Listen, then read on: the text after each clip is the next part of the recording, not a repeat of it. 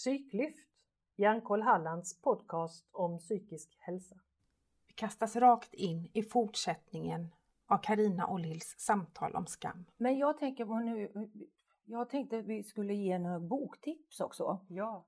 För, för jag, jag tänker så här, alltså någon som har varit en liten guru för mig, eh, nu kommer jag inte ihåg vilket år detta var, men i alla fall Mia Törnblom, hennes första bok som hon släppte, som heter Självkänsla nu. Den tog tag i mig Mm. och då blev inte det så floskligt eller hon pratar, hon skriver på ett sånt språk som tilltalade mig som hon pratade med mig. Mm. Och det är väl de böckerna, man får, man får gå igenom hyllmetrar. Mm. Sen är det några böcker som Ja. sticker ut som just för språket, alltså man, man, vissa ord tilltalar en Mm. och ett visst språk tilltalar Mm. beroende på vad du är för personlighet, Precis. eller hur? Mm. Mm. Så just att den boken som du kan nämna, vad, vad heter den boken Ja, som du jag, pratade om? jag hade ju faktiskt två böcker som, eh, som kom i, i ganska tät följd där. Eh, och den första som jag kom i kontakt med, den, den, på svenska heter den Våga vara operfekt. Just det. Och det var, alltså, jag tror att jag hörde om den på något radioprogram och hon som har skrivit den hon, hon är socionom och heter Brené Brown, eh, en amerikanska, Mm. eller, nej det är hon nog inte heller, men hon är i alla fall engelskspråkig. Men jag läste Mm. boken på svenska Mm. och det funkade väldigt bra. Och, och den talade till mig, precis som du säger, att den talade till mig precis just då. Mm. För jag precis. kände mig verkligen operfekt. Mm.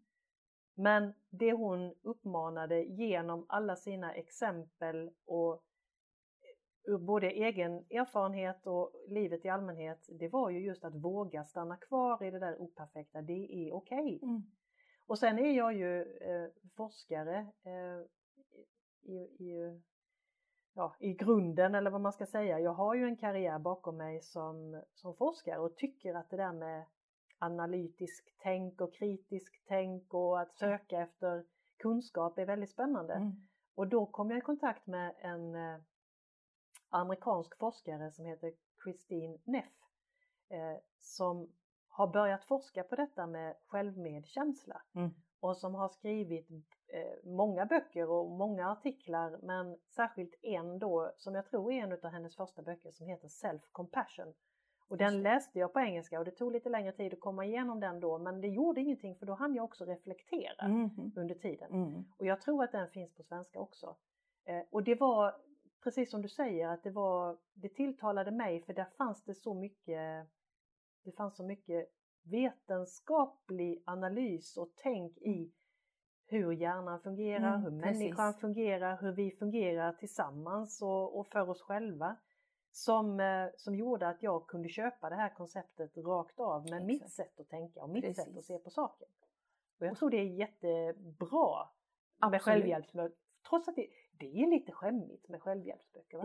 Jag tror, ja kanske i vissa sammanhang. Fast jag vet inte om det är det så skämmigt idag. Det Nej. var väl kanske mer att man, sen finns det ju alltid några som alltid gör narr. Åh, är Ja. du en sån där flum liksom? Ja. För jag har ju en bokhylla bara med sådana självhjälpsböcker. Ja. Och en del är jätteflummiga, skulle inte falla mig in och läsa dem idag. Men jag har ju varit en sökare också. Ja, Och sen är det vissa böcker kom, blir viktiga, andra mindre viktiga. Mm. Och också vid olika tillfällen vilken fas jag befinner mig i, etc. Mm. För man står ju inte still, tack och lov. Vi utvecklas ju hela tiden. Mm. Allting på jordklotet i universum är ju i ständig förändring. Mm. Allting rör ju på sig. Så även vi. Alltså en människa som står still i sin utveckling. Finns något tråkigare? Ursäkta nu gör jag en värdering här men jag säger bara vad jag tycker. Ja, man får tycka. Ja men det är väl oerhört tråkigt med människor som bara står stilla. Jag är precis den jag var när jag var 16. Jösses! Gäsp säger jag då. Men det får ju stå för dem. ja. Det kan ni gärna klippa bort det här om ni vill, men det behöver ni inte. men jag tänker också på det, alltså hur olika böcker i, i olika faser i livet får betydelse.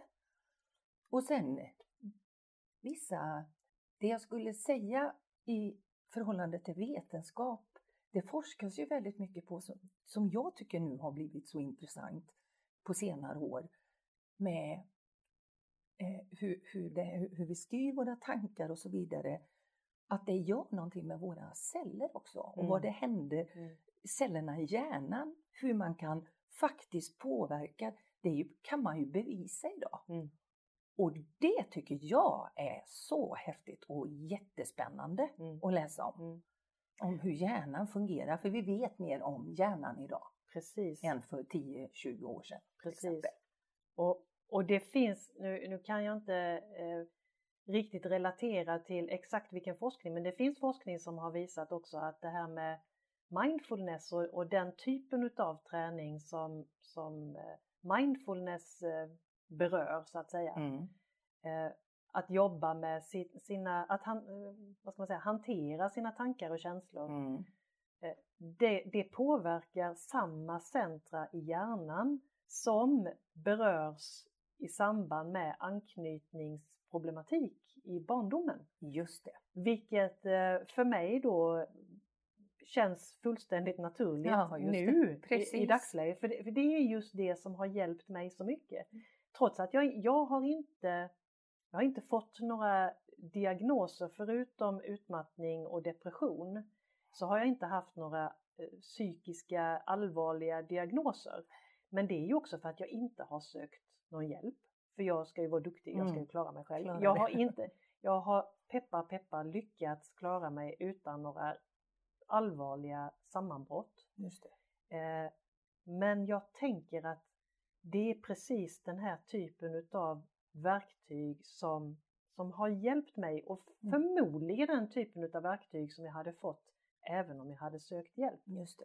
Så jag sa innan om inte självhjälpsböcker är skämmigt. Alltså jag tror att det finns människor jag inte sådär sk- skulle vara jättestolt om de gick och kollade i min bokhylla och, och såg eh, mängden självhjälpsböcker. Men, men på sätt och vis är jag ändå ganska stolt över Ja, att jag, att jag har tagit mig igenom dem. Skit i vad andra eller vissa skulle tycka. Det, tänk dig vad du har gjort istället och tagit reda på kunskap om just dig. Ja, Så, skitsamma om det har varit böcker som inte har varit viktiga. Men man måste ju kanske ta sig igenom och nosa på även dem. ja, Så man kanske kan tänka, att, att, hur tänkte jag där? Jag har också sådana böcker. Men jag skäms inte över dem. nej, Aldrig i livet. nej. För de var en viktig fas då. Ja, det är ju det. det, det de spelar en roll och de fyller en funktion på något sätt. Exakt. Ja. Och jag tror att eh, jag själv har blivit mindre dömande. För det är ju också, det har vi inte pratat så mycket om, men, men jag tänker att det där med skam, det hänger ihop med att, att man, man är dualistisk på något sätt. Det finns Mm. något bra och något dåligt. Mm, mm. Precis. och jag- Värderingar. Ja, Mm. Jag är alltid på den dåliga sidan. Mm.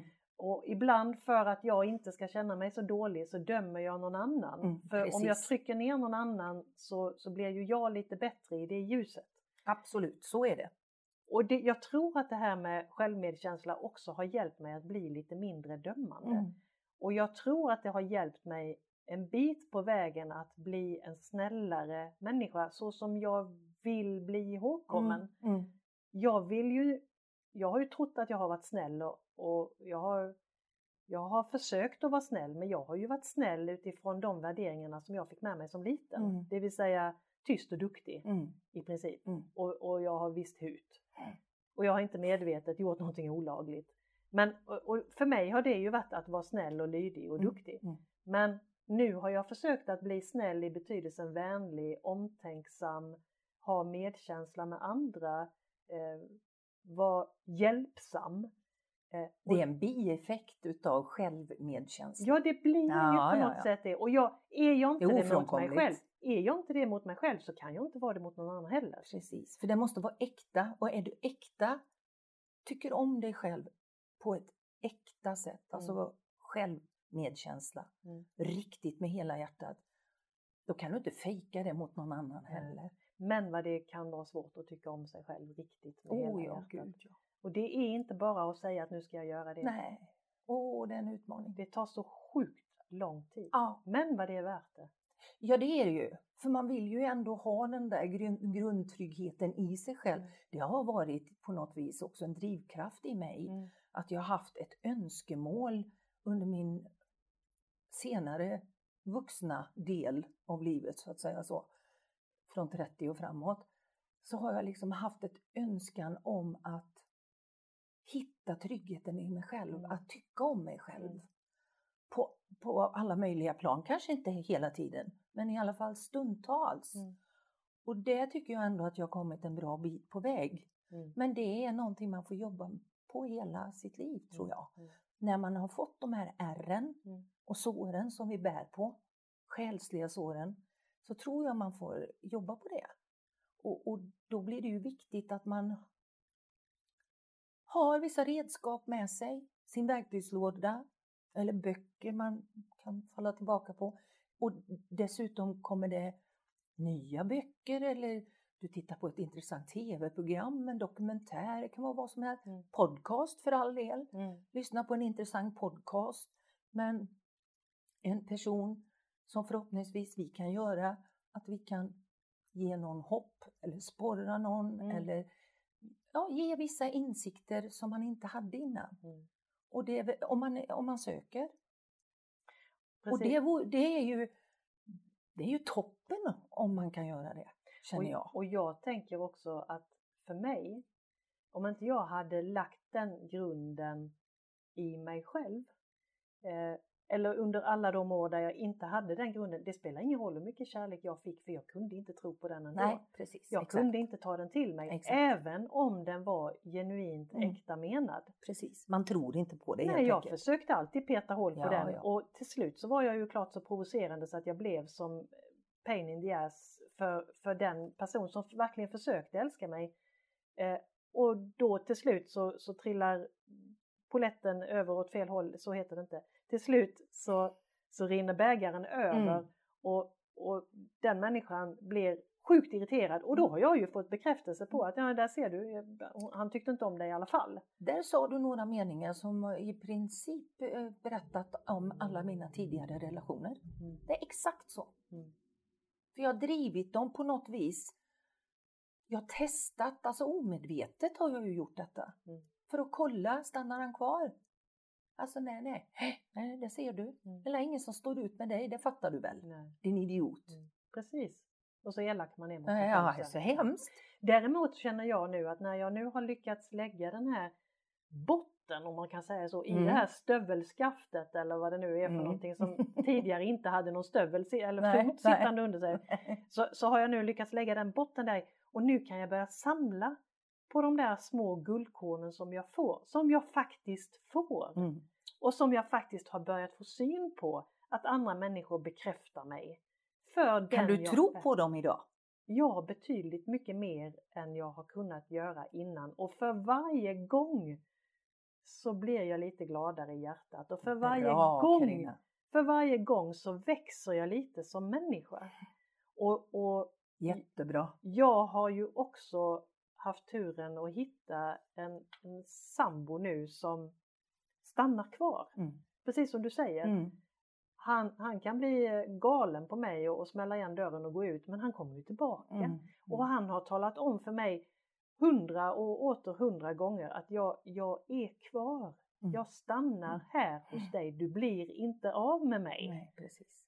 Och nu börjar det gå in, Mm. det han säger. Ja, det, tar, det tar sin tid. Vi Ja. har ju varit tillsammans i 13 år. Det tog säkert en fem, sex år innan jag vågade lita helt och Ja. fullt på det. Mm. Eller i alla fall fyra, fem år. Mm. Utan överdrift. Mm. Det tar sin tid. Det tar tid. ja. Men eh,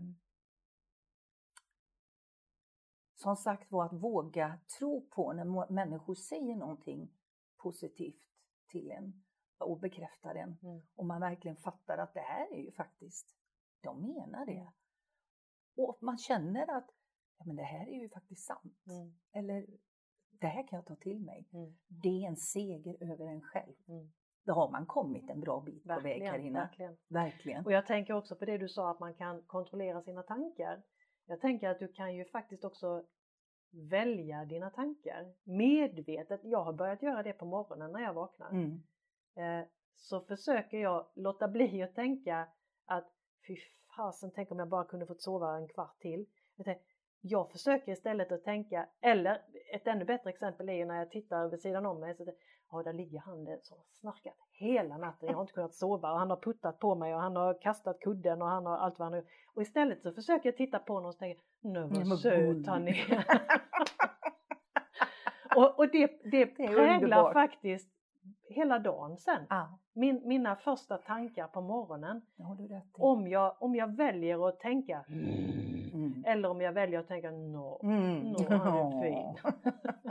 Och det är ju mitt val. Mm. Det är Ja, ingen ja. annan som väljer mina tankar, det är ju faktiskt jag. Mm. Det precis. Fan så svårt emellanåt. Ja. Men eh, absolut, Ja. så är, det är så. Jag håller fullständigt med dig. Men det är en utmaning ibland. Men medvetenheten om att det är så är en tröst tycker jag. Ja, Även det. de dagar där det är skitsvårt. Absolut. För det är precis, eh, jag har haft en period och har en period där det är tungt. Eh, att göra denna podcasten har varit fantastiskt givande måste jag säga. Eh, har gett mig jättemycket boost. Eh, både självkänslomässigt och självförtroendemässigt. Mm. Besvärliga ord. Det jag vet med mig själv att även om jag har en period som är jobbig så vet jag att jag kommer mig ur den så småningom. Mm. Ibland tar det lite längre tid och ibland kan det ta bara någon dag. Men jag vet att det, här ljuset i tunneln liksom. Jag ser ljuset, ljuset kommer snart. Mm. Om, jag bara, jag, om jag bara har lite tålamod Mm. så vet jag att jag kommer mig ur det. Mm. Och det är inte så farligt att vara här. Det är jobbigt, är det. det är tröttsamt. Och man blir trött av det. Men jag dör inte. Jag svälter inte ihjäl. Nej. Och jag har människor runt mig. Och jag, jag, jag gillar tanken också, eller ja, jag gillar tanken på att tanken är ett medvetet val. Och det betyder ju också att älta det som har varit eller oroa mig för det som kommer. Mm. Det är också någonting som är ett val. Slöseri med tid. Ibland kan det vara kanske, inte vet jag, jag, jag kan inte komma på någon situation nu där det skulle vara meningsfullt att göra det. Men, men ändå lägger vi så otroligt Mm. mycket tid Mm. på att gräma oss över det som hänt. Mm. Eller oroa oss Mm. för det som Mm. ännu inte hänt Mm. men som vi föreställer oss eller hittar på. Mm. Istället för att vara här, här och, nu. och jag, Skapa vår framtid istället. precis, jag, jag, när jag började öva på det här med meditation och mindfulness så fick jag en, en guidad meditation via en sån här podcast. Eh, där, eh, där jag fick bilden av att tänk dig att du står på garageuppfarten eller på ja, var du nu är någonstans. Du står framför din egen port, framför din egen dörr och du bär på två extremt tunga resväskor. I den ena så ligger oron för framtiden och i den andra ligger ångest Mm. och, och Det man har varit med om. det du har varit med om, Mm. ja. Det du ältar. Mm. Och båda två väger otroligt mycket. Mm. Tänk dig nu att du sätter ner dem Mm. innan du går in. Mm. Just det. Men Bra tanke. Ja, precis. Bra tanke där. ja. Den, den, den det, bilden det, var det blir ganska för lätt då. Då kan man ju ta bara och flyga in. Ja, bara. Den bilden är, är väldigt talande för Ja, mig. Släpp de absolut. där väskorna. Jag Det behöver var- dem inte. det var Väldigt bra, bra tanke där. Mm. Tack Karina för det. Jag skulle bara vilja nämna en bok till som var väldigt viktig för mig i den perioden när jag blev remitterad och var, bodde i Marks kommun. I sammanhanget med självhjälpsböcker. Jag kom över, jag såg på något dokumentär eller om det var någon intervju, ja det var något på tv. Eh, om, eh, det ett institut i Stockholm. Det heter Institutet för sorgbearbetning. Mm. Och den var så himla intressant. Så jag skickade efter den boken. Och det är ett par amerikanska författare och psykologer, tror jag de är bägge två, eller läkare i alla fall, eh, som har skrivit den. Den ena heter John W. James och den andra heter Russell Friedman. Och boken heter bara Sorgbearbetning. Och den är upplagd som en arbetsbok om du vill. Och den plöjde jag igenom. Mm. Eh, alltså inte plöjde sida från sida, men jag tog och gjorde den som en arbetsbok. Mm. Och gjorde de uppgifterna som står i den. Och det var så otroligt bra för mig att göra. Jag skrev de där breven till pappa, alltså som jag aldrig skickade Mm. iväg. Så allt det där som jag ville säga till honom. Likadant min mamma som då hade gått bort. Jag skrev allt det som jag ville få ur mig, Mm. både eh, ilska och besviken och men också ja, all, all, all ilska och besvikelse och, och all smärta Mm. skulle jag säga Mm. och sorg Mm. Som det faktiskt är när, när människa bara försvinner ifrån dig, även om den är kvar på jorden. Men den fanns inte för mig. Nej, precis. Och även de som mobbade mig i skolan och allt det där. Jag gjorde det från punkt till pricka och det var så otroligt läkande. Mm. För då var det också att man kunde lämna den där tunga väskan bakom sig på något sätt. Ryggsäcken blev så mycket lättare för att använda ett klyschigt ord. Eller ett uttryck. Så för mig så betydde den boken oerhört eh, mycket och den skulle jag verkligen tipsa om du har mycket sorg Mm. som du inte har fått Fått jobba dig med Ja, igenom. Eller, ja. För sorg är ju också en sån Mm. sak som man måste jobba sig igenom. Det, Det är ingenting tid. som man bara kan kasta bort eller förtränga. Mm. Det trodde jag Mm. jättemånga år. Jag hade ju en, en, eh, en jättejobbig upplevelse i samband med att min mor blev sjuk. Hon blev ju långvarigt sjuk och vi förstod att hon inte skulle kunna klara sig och hon bestämde så småningom, hon var, hon var helt klar i huvudet men förlorade all eh, fysisk förmåga, kunde bara röra ena handen och var helt hjälpbehövande dygnet runt. Oj, oj, oj. Och hon bestämde sig till slut för att hon eh, inte skulle ta några mediciner längre. Hon skulle avsluta sina egna behandlingar. Eh, För det var ju hennes sätt att kunna avsluta livet. Hon kunde inte göra det på något annat sätt. Men hon, hon kände väl att här kan jag ligga i åratal och så här vill jag inte ha det. Eh, Jag kan bara tänka en liten reflektion kring det som den personen din mamma var. mm, Måste ju ha varit fruktansvärt. hon var fånge i sin kropp. Och behöva få då hjälp Mm. dygnet runt av främmande människor. Det Hon måste ju ha varit tortyr för Hon, henne. ja, det var det säkert. Hon försökte i, i det längsta att hålla kontrollen, bibehålla kontrollen Ja. både över sig själv och över oss och eh, alla assistenter och hemtjänst och annat som kom. Men det, det var ju, det, var, det måste vara fruktansvärt. Men jag kände ju redan när hon började bli sjuk att jag kommer inte kunna sörja henne när hon dör. För jag hade en så fruktansvärt ansträngd relation till min mor och den blev bara, alltså den, den var ju jobbig från början men den blev ännu värre när jag själv fick barn och jag insåg att mina värderingar till mina barn stämde inte alls överens med hur hon Mm. hade fostrat sina barn eller hur, vad hon hade för tankar om hur jag skulle uppfostra mina barn. Mm. Så ju äldre barnen blev och desto mer utmaningar det blev i livet, desto mer skar det sig med min mor och jag, jag fick svårare och svårare att prata med henne och umgås med henne men jag hade fortfarande en enorm respekt för henne. Mm. Var Eh, du rädd för henne? Ja, ibland tror jag att jag var det. Mm. Eh, och framförallt så kände jag ju väldigt mycket skam. Och jag kände hur hon synade mig och tittade på mig uppifrån och ner. Och någonstans så tror jag att hon kanske såg sig själv i mig. Eh, jag, jag vet inte. Men i alla fall, när hon så småningom dog så kunde jag mycket riktigt inte känna sorg. Mm. Eh, Men jag, eh, och det, det kändes jobbigt och det fick ju mig så småningom att eh, söka hjälp också för jag mådde väldigt, väldigt dåligt. Det är ju också en skam i det att det inte sörja sin Ja. mamma. Det är inte normalt. Eller det är hur? klart att man måste gråta och Ja, vara ledsen och, och, och, Och att Och- det måste kännas på ett speciellt Ja. sätt.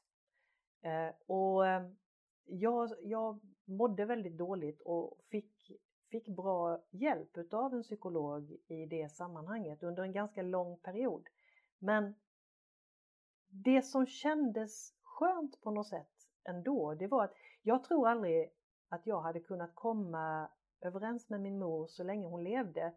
För, för hon kunde aldrig se sig själv som sårbar. Nej, just det. Hon såg inte sin egen svaghet eh, utan hon, hon var väldigt stolt och hävdade med bestämdhet att hon hade fostrat oss så gott hon kunde. Och det hade hon säkert. Jo, ja, absolut. Efter de- Utifrån de förutsättningarna hon hade. Exakt. Mm.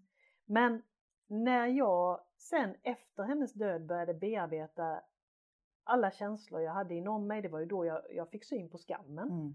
Mm. Eh, och det var då jag kunde se sammanhang plötsligt att jaha, det var ju så här och, och känslor och tankar kom, kom tillbaka till mig och jag kunde börja jobba med dem på ett helt annat sätt. Sen åkte vi tillbaka förra sommaren. Eh, ja, till, till saken hör att jag fick kontakt med kusiner som jag, i Finland eftersom min mor var från Finland och jag har aldrig varit där. Mm. Eh, jag hade massa kusiner där som jag aldrig har träffat. Men i samband med att mor dog så skickade vi meddelande till Finland att hon hade dött och då fick jag kontakt med en av mina kusiner. Mm. Och vi började så smått prata hemma om att man kanske skulle åka till Finland. Det hade ju varit lite roligt att se sina rötter, var man kom ifrån. Mm. Och förra sommaren så gjorde vi slag i saken och tog en veckas bilsemester och åkte till Finland och åkte runt lite grann och bland annat träffade två av mina kusiner och jag kände mig så hemma. Det var i Finland. Och jag fick till och med se huset där min mor växte upp som barn. Och där hon alltså, det huset hon lämnade som åttaåring när hennes föräldrar skickade iväg henne som krigsbarn. Och jag kunde stå där i trädgården och känna hur, hur det måste ha känts, hur, hur jobbigt och svårt det måste ha varit. Såklart, vilken läkning i det. Det var en sån frid Och jag ryser nu när du berättar Över- var över denna resa. Oh. Så jag har ju försonats med min mor efter hennes Ja. död kan man säga. Och jag har en, den största förståelse för att hon gjorde så gott hon kunde efter de förutsättningar hon hade. Visst är det en skön känsla? Ja, verkligen. Och jag önskar så att hon hade fått hjälp att hantera Mm. Sina problem när hon Gud, kom ja. hit som ensam, Exakt. ensamkommande barn helt enkelt. Precis. Ja. Åh, det är, jag blir alldeles rörd nu av den berättelsen, Ja. men det är så vackert på något sätt med det här att man kommer till en försoning Ja. in i sig själv Mm. oavsett. För det är också någonting jag gjorde med, med min mamma och till viss del pappa också, tack och lov. Men just här, den här känslan av frid som bara är, finns inne i en själv. Att det kommer en förståelse och en medkänsla till stackars hon kunde ju inte bättre. Tänk, jag har sörjt det jättemycket för mammas skull. Ja. Just det där att inte hon fick den hjälpen jag fått. Mm. Så jag gör ju detta med järnkoll och håller föreläsningar och allt vad vi nu gör och podcast i dessa tider. Alltså jag gör ju lika mycket, detta är ju lika mycket för mammas skull. Mm, Hon är ju med, hon sitter ju på min axel. Mm, För jag har fått möjligheten. mm. Det fick ju inte hon. Nej. Eller din mamma heller för den nej, delen. Nej, nej så, Och de blev ju produkter av det Ja, såklart. ja, och vi också. Och vi också. Mm. Men vi kan förändra våra liv nu. Mm, mm. Vi, för att komma tillbaka till det, vi har ju ändå makten att, för, jag har makten att jag kan förändra mig. Mm. Och, eller förändra mina tankar, jag behöver inte förändra mig som person, men förändra mina tankar, det som gör att det blir jobbigt i mitt liv. Mm. Och det, jag, jag skulle bara vilja lägga till i det här sammanhanget då att, eh, att förändra sig kan vara både positivt och negativt. För om, om jag tänker på relationer som jag har försökt anpassa mig Mm, till ja, ja, så har jag försökt anpassa mig genom att förändra mig på ett ohälsosamt sätt. precis. Jo, men, Men det det- handlar om att exakt. förändra mitt sätt att vara och mitt beteende, inte mina tankar. Just Så det är så viktigt det du säger, Ja, att det är tankarna vi förändrar och det är Exakt. det som som är hjälpsamt. Men det, det, jag hade ju inte de verktygen förr Nej. i mina relationer som var destruktiva eller jobbiga eller att jag, ja, att de bara tröttnade på mig liksom för jag var så jobbig. Eh, jag hade ju inte de verktygen, jag hade ju inte det tänket, jag hade inte den förståelsen. Och det har man först när man har mognat lite. Mm. Och så är det ju. Och jag säger bara, jag hyllar de här unga människorna som är så medvetna om sig själva, alltså på ett positivt sätt. Kanske är 25-30 bast eller så, eh, liksom har kommit långt på väg i sin egen utveckling. Good for them, säger jag bara. Det är ju oerhört underbart. Mm. Men det finns många där ute också som inte mår bra och inte vet riktigt hur ska jag bete mig, hur ska jag göra för att må bättre? och som inte vågar prata om det för Nej, man tror genom exakt. sociala medier och allt annat Precis. där man lägger upp sin, sin fina yta och fasad så tror man att alla andra mår så bra. Mm. Alla andra har det så mycket bättre än vad jag har det. Ja. Och så är ju, det är bara bullshit. Mm. För Det är bara fasader. Och jag tror att börjar vi prata mer om hur vi verkligen mår Mm. och börjar vi prata mer om skitjobbiga, svåra känslor som skam Precis, så kommer vi att känna oss mindre ensamma. exakt. Mm. Fantastisk avslutning på den här podden tycker jag Karina. Tack Lill! Tack så hemskt mycket. Då slutar vi där. Yes. Nästa avsnitt kommer Jenny och Karina prata om utmattning. Missa inte nästa avsnitt!